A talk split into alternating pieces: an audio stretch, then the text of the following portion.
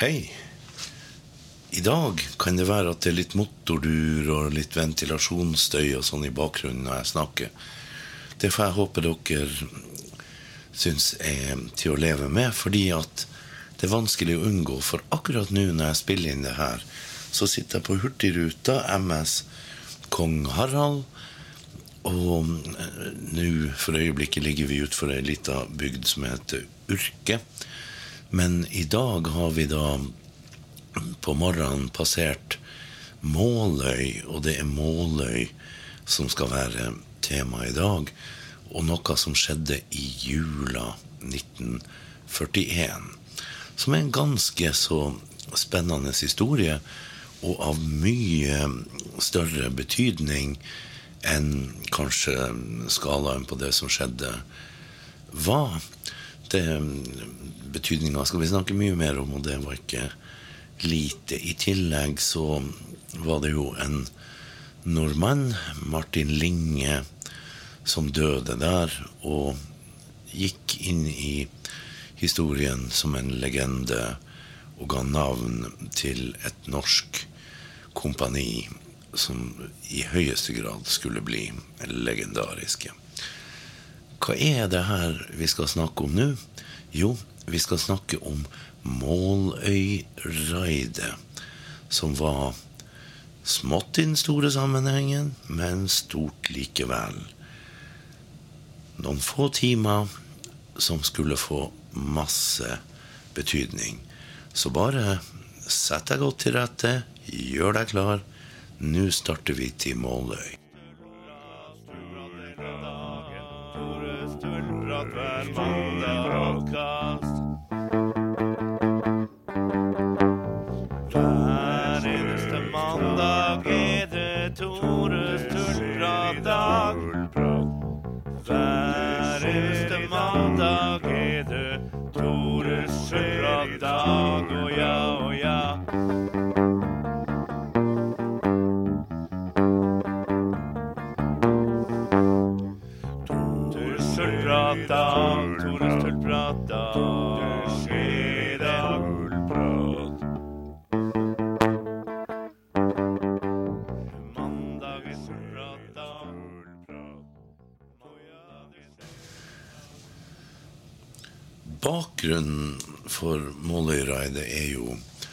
selvfølgelig andre verdenskrig.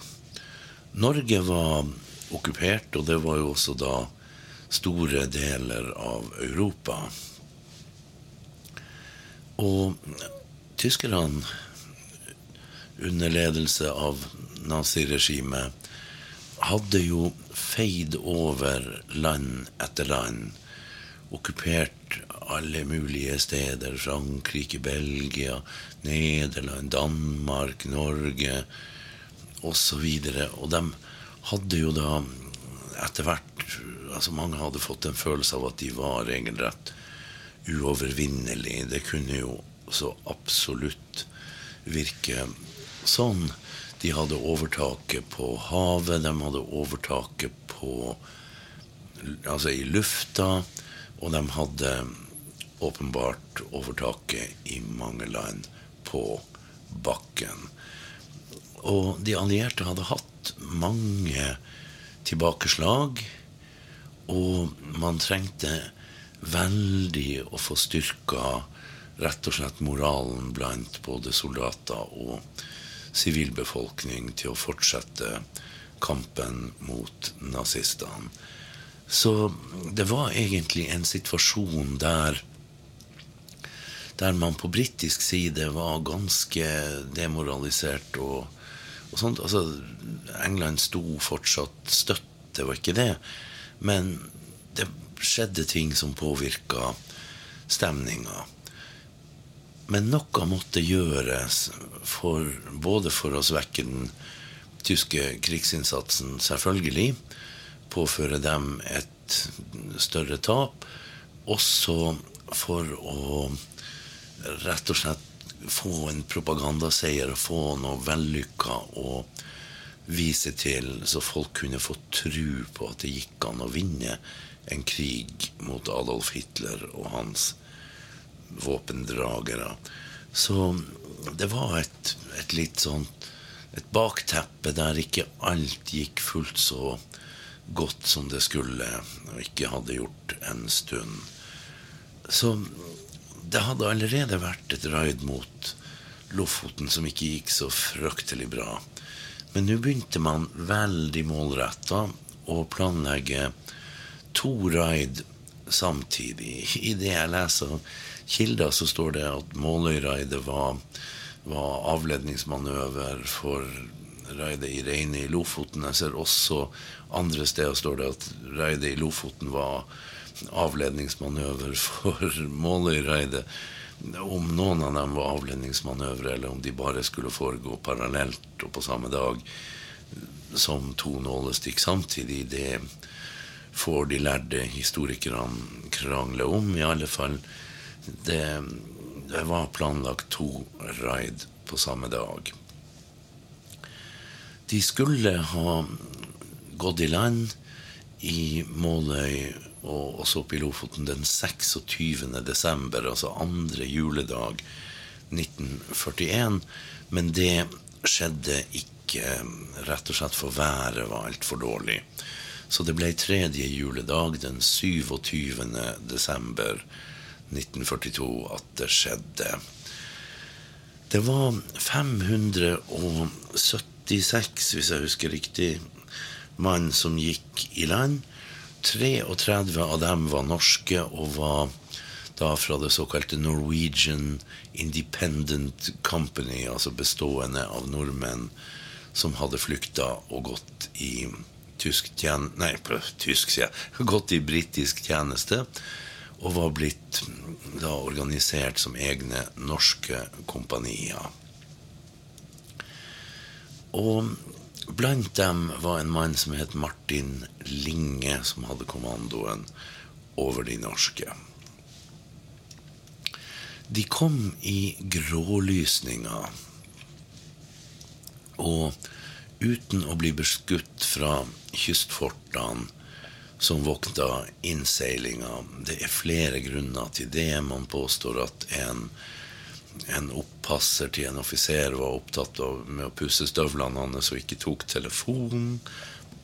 Det skal ha vært en, en sambandsmann som ikke varsla batteriene da det kom meldinger, fordi det var en hærenhet, og hæren samarbeider man jo ikke med hvis man er i andre våpengrener. Altså, det er en del sånne litt interessante historier. I, i hvilken grad de er sann, vet jeg ikke. Men, men altså Dersom de her landingsbåtene hadde kommet under ild mens de lå rett under de her kanonbatteriene i innseilinga, så kunne det ha blitt fint få som hadde nådd land, om noen. Det kunne gått fryktelig galt. Men det gjorde det altså ikke. Det var marinefartøyer med som beskjøt batteriene etter kort tid. Det ble utført flyangrep samtidig mot flyplassen på Sola, mot Herdla. Og i det hele tatt Det var en, en stor operasjon her med både skip og da landsoldater og fly koordinert og veldig godt planlagt. Hvorfor valgte de Måløy? Jo, fordi Måløy var, og er for den saks skyld, Norges kanskje viktigste fiskehavn i det hele tatt. Og der var industri som var viktig for den tyske krigsinnsatsen. Det var sildoljefabrikk. Og sildolje kan brukes til mer enn mat. Det kan også brukes som en del av våpenproduksjon. I tillegg var det hermetikkfabrikker og sånt. Og den tyske hæren tok jo med seg så mye fisk de kunne fra Norge for å fòre soldatene sine på alle frontavsnitt. Så blant annet på østfronten, hvor de bare måneder før hadde gått inn i Sovjetunionen, og der var en svær hær som trengte mye mat. Så i det hele tatt Måløy var ikke tilfeldig valgt. Den var, var tvert imot en, en, veldig, veldig viktig havn. Og der hadde man muligheten til å ødelegge de her industrianleggene. Man kunne senke en masse skip som tyskerne brukte til transport. Det var en garnison der på ca. 300 mann tyske. Og fremfor alt så kunne man gjennom et sånt her nålestikk vise tyskerne at de var ikke usårbare noe sted. At noe kunne skje hvor som helst. Og det kunne det. Det kunne det så veldig.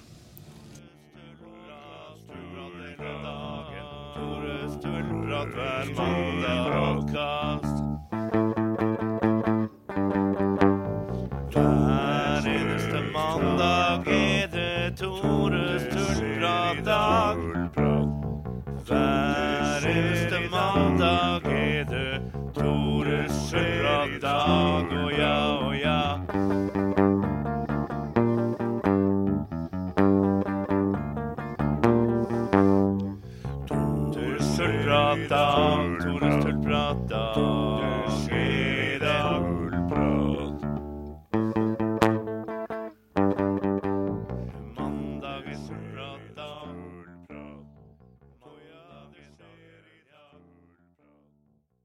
skjedde egentlig?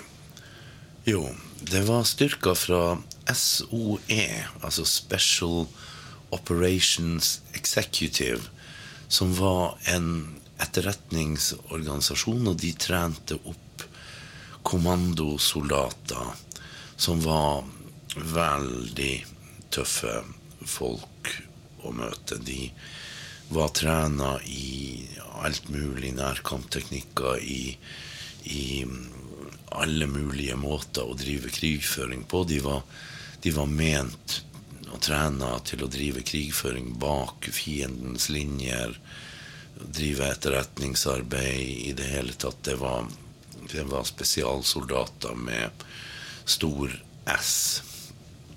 Så det var ikke hvem som helst som gikk i land her. Og de gikk altså i land med 576 mann. I tillegg hadde de altså marinestyrker med seg og flystøtte. Og de overrumpla jo den tyske garnisonen så det holdt. De gikk i land uten at et skudd var blitt avfyrt. Det skulle jo endre seg. Men det som forundrer meg litt, er at det jeg leser meg opp på av kilder i artikler og bøker og alt mulig sånt, så finner jeg så forskjellige tall på, på den tyske garnisonen, og også veldig forskjellige tapstall.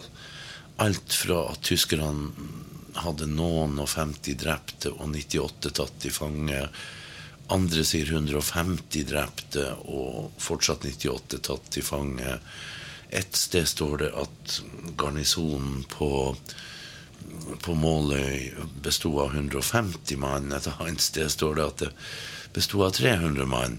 Og hvis det var 150 drepte og 98 tatt til fange, så rimer det med en 300 manns garnison. Men jeg vet ikke om det kan være en feiloversettelse av det engelske ordet 'casualties', som vi på norsk gjerne over, oversetter til tap, og da tenker vi drepte, mens 'casualties' på engelsk kan være totalen av såra og drepte og savna. Og tilfangetatte er jo savna fort inntil man vet at de er fanga. Så, så jeg er jaggu ikke helt sikker på hva jeg skal si om tapstallene på tysk side. At det var mange. 98 mann tatt til fange er mye. Fire norske nazister ble også arrestert og tatt med til England. Og i tillegg var det rundt 70 av lokalbefolkninga som frivillig ble med til England. De fleste verva seg til tjeneste i krigen mot tyskerne. Så, så det var jo Uansett tall her, så var det jo en veldig vellykka operasjon. Og med mange døde tyskere, mange fanger, norske nazister, som sagt. Og i det hele tatt 20 bygninger ble fullstendig ødelagt. Nærmere fem ganger det var tallet på totalt skada bygninger. Ni skip ble senka, som tyskerne da ikke kunne bruke.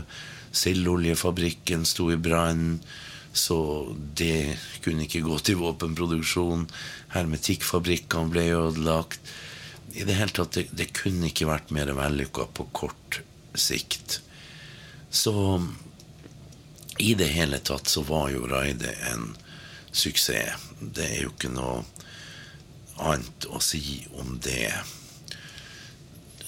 Det raidet som foregikk oppe i Lofoten, det var ikke like vellykka.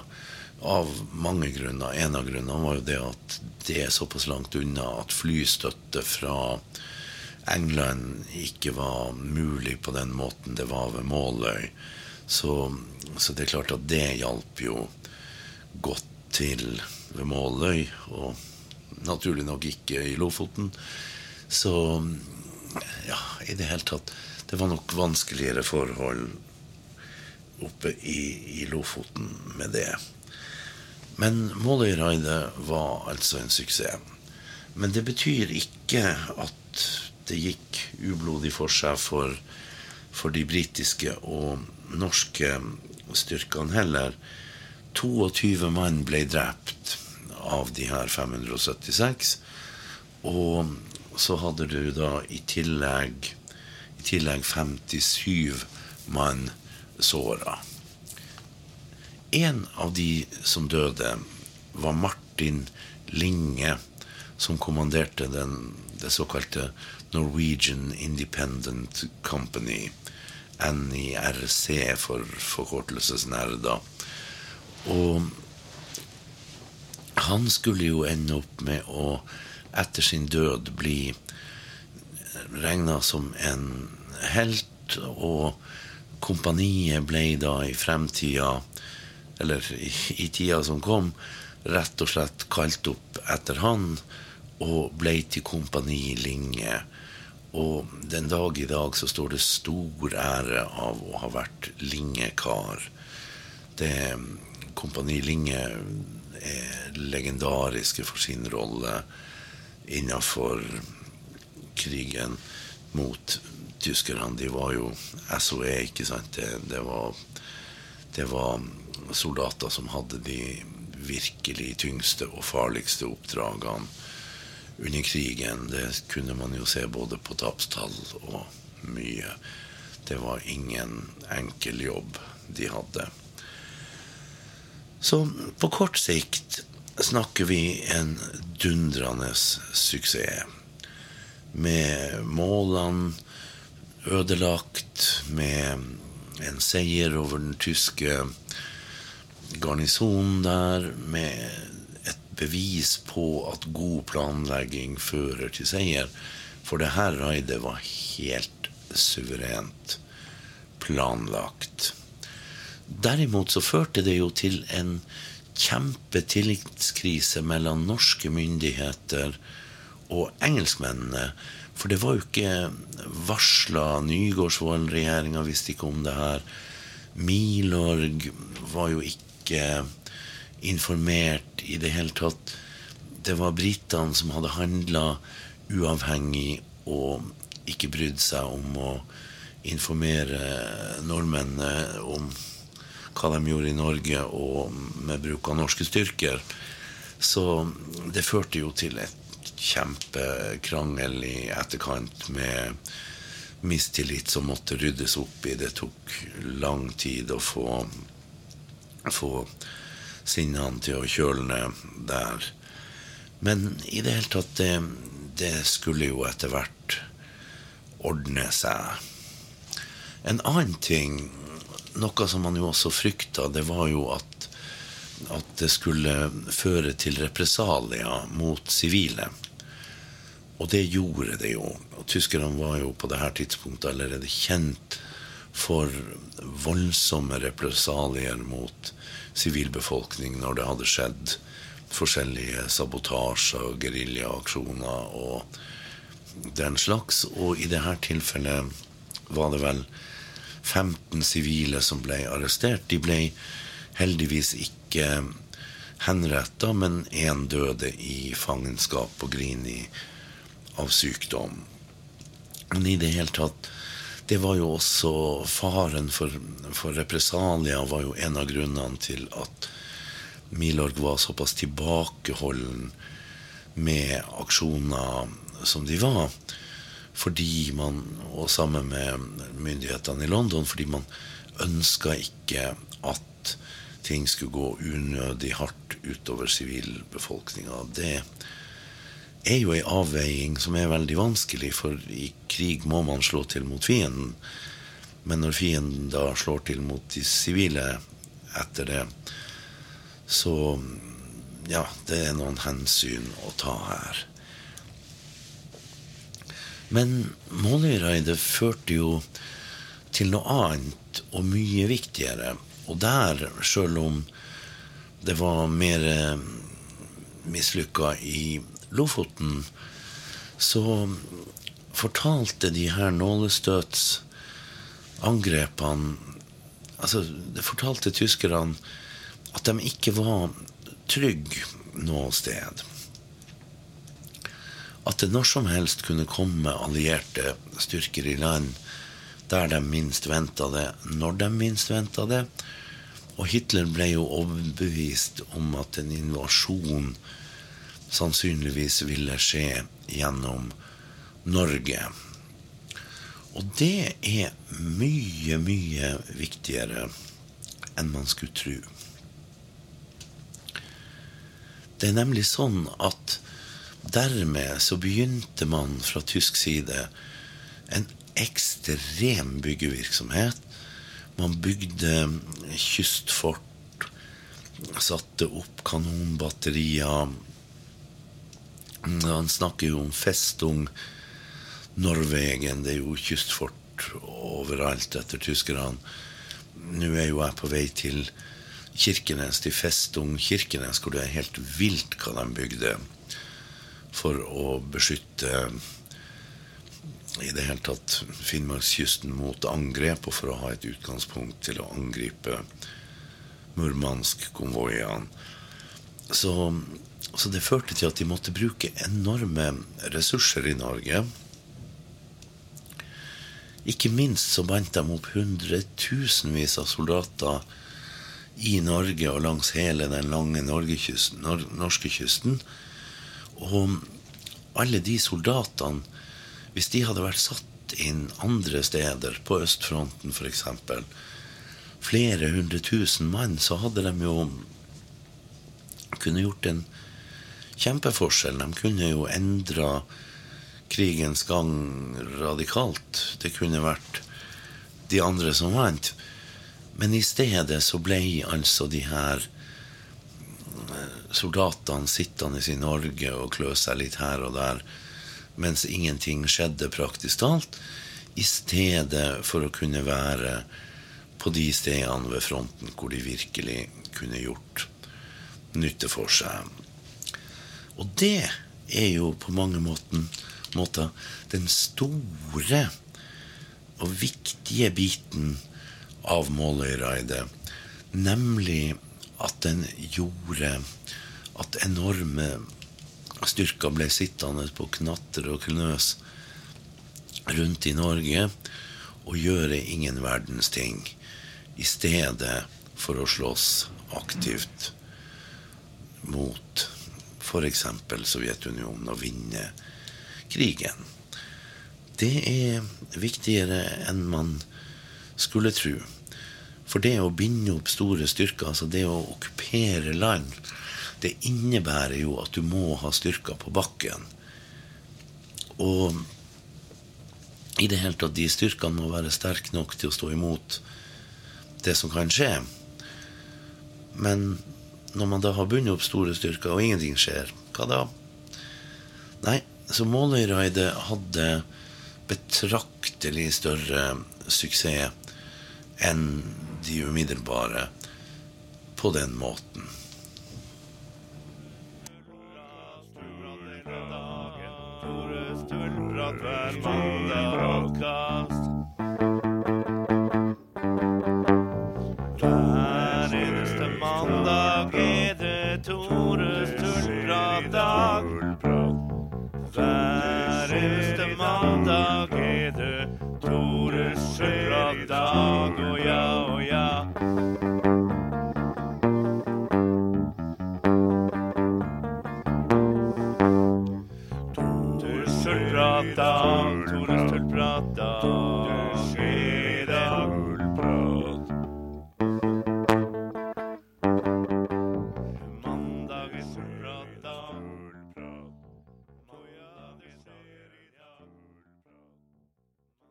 Den andre operasjonen som pågikk Altså, Måløyraidet het jo offisielt da Operasjon Archery, altså bueskyting.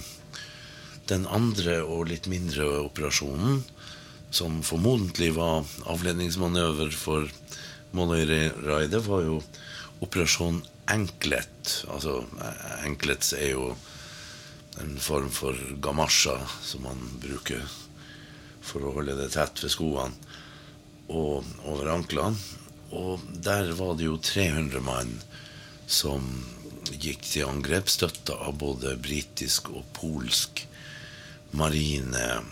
Og de ødela en, en radiostasjon og senka et skip der, en patruljebåt og en, en krysser på alliert side fikk større skader, men ellers var det ikke noe svære tap. Det var ikke noe som ligna på Måløy-raidet. Det var ganske mange i denne styrken òg. Det var 300 mann. Og 25% av dem, lett hoderegning, skulle da si ca. 75 mann, var da fra det berømte Norwegian Independent Company nummer én. Altså da det som skulle bli hetende Kompani Linge. Det heter jo ikke enda da, for Martin Linge døde jo den dagen først ved Måløy. Så til sammen så viste Operasjon Anklet og Operasjon Archery at her kunne man slå til hvor som helst. Det var for øvrig sånn at også, også mm, under Operasjon Enklet var det en masse nordmenn. Her var det faktisk virkelig mange nordmenn som eh, ble med til England og slutta seg til arbeidet mot tyskerne. Det var faktisk da 266 nordmenn som tok seg til England og frivillig fulgte med de britiske, polske og norske styrkene over til England. Det er ganske imponerende tall, tatt i betraktning at ingen har vel hatt særlig mulighet til å forberede seg på at de skulle av gårde. For det var jo ingen med vilje, ingen forvarsel på det her. Ja, det var det jeg hadde å si egentlig om Måløyraidet. Jeg syns det er litt morsomt å snakke om de plassene som jeg passerer her. Det blir ikke veldig mange episoder på denne hurtigruteturen, men noen skal det bli, og jeg regner med det blir en fra Kirkenes, også fra gamle Festung Kirkenes, hvor jeg vokste opp i med å vase rundt i bunkerser og ruiner og skytterstillinger og hva som ikke var overalt, og fortsatt er der. Så det skal bli mer. Nå fortsetter jeg på turen opp etter kysten, og så kan du fortsette med hva du vil. Og så sier jeg bare på gjenhør neste mandag. For det her er langt fra den siste episoden. Det skal jeg bare ha sagt.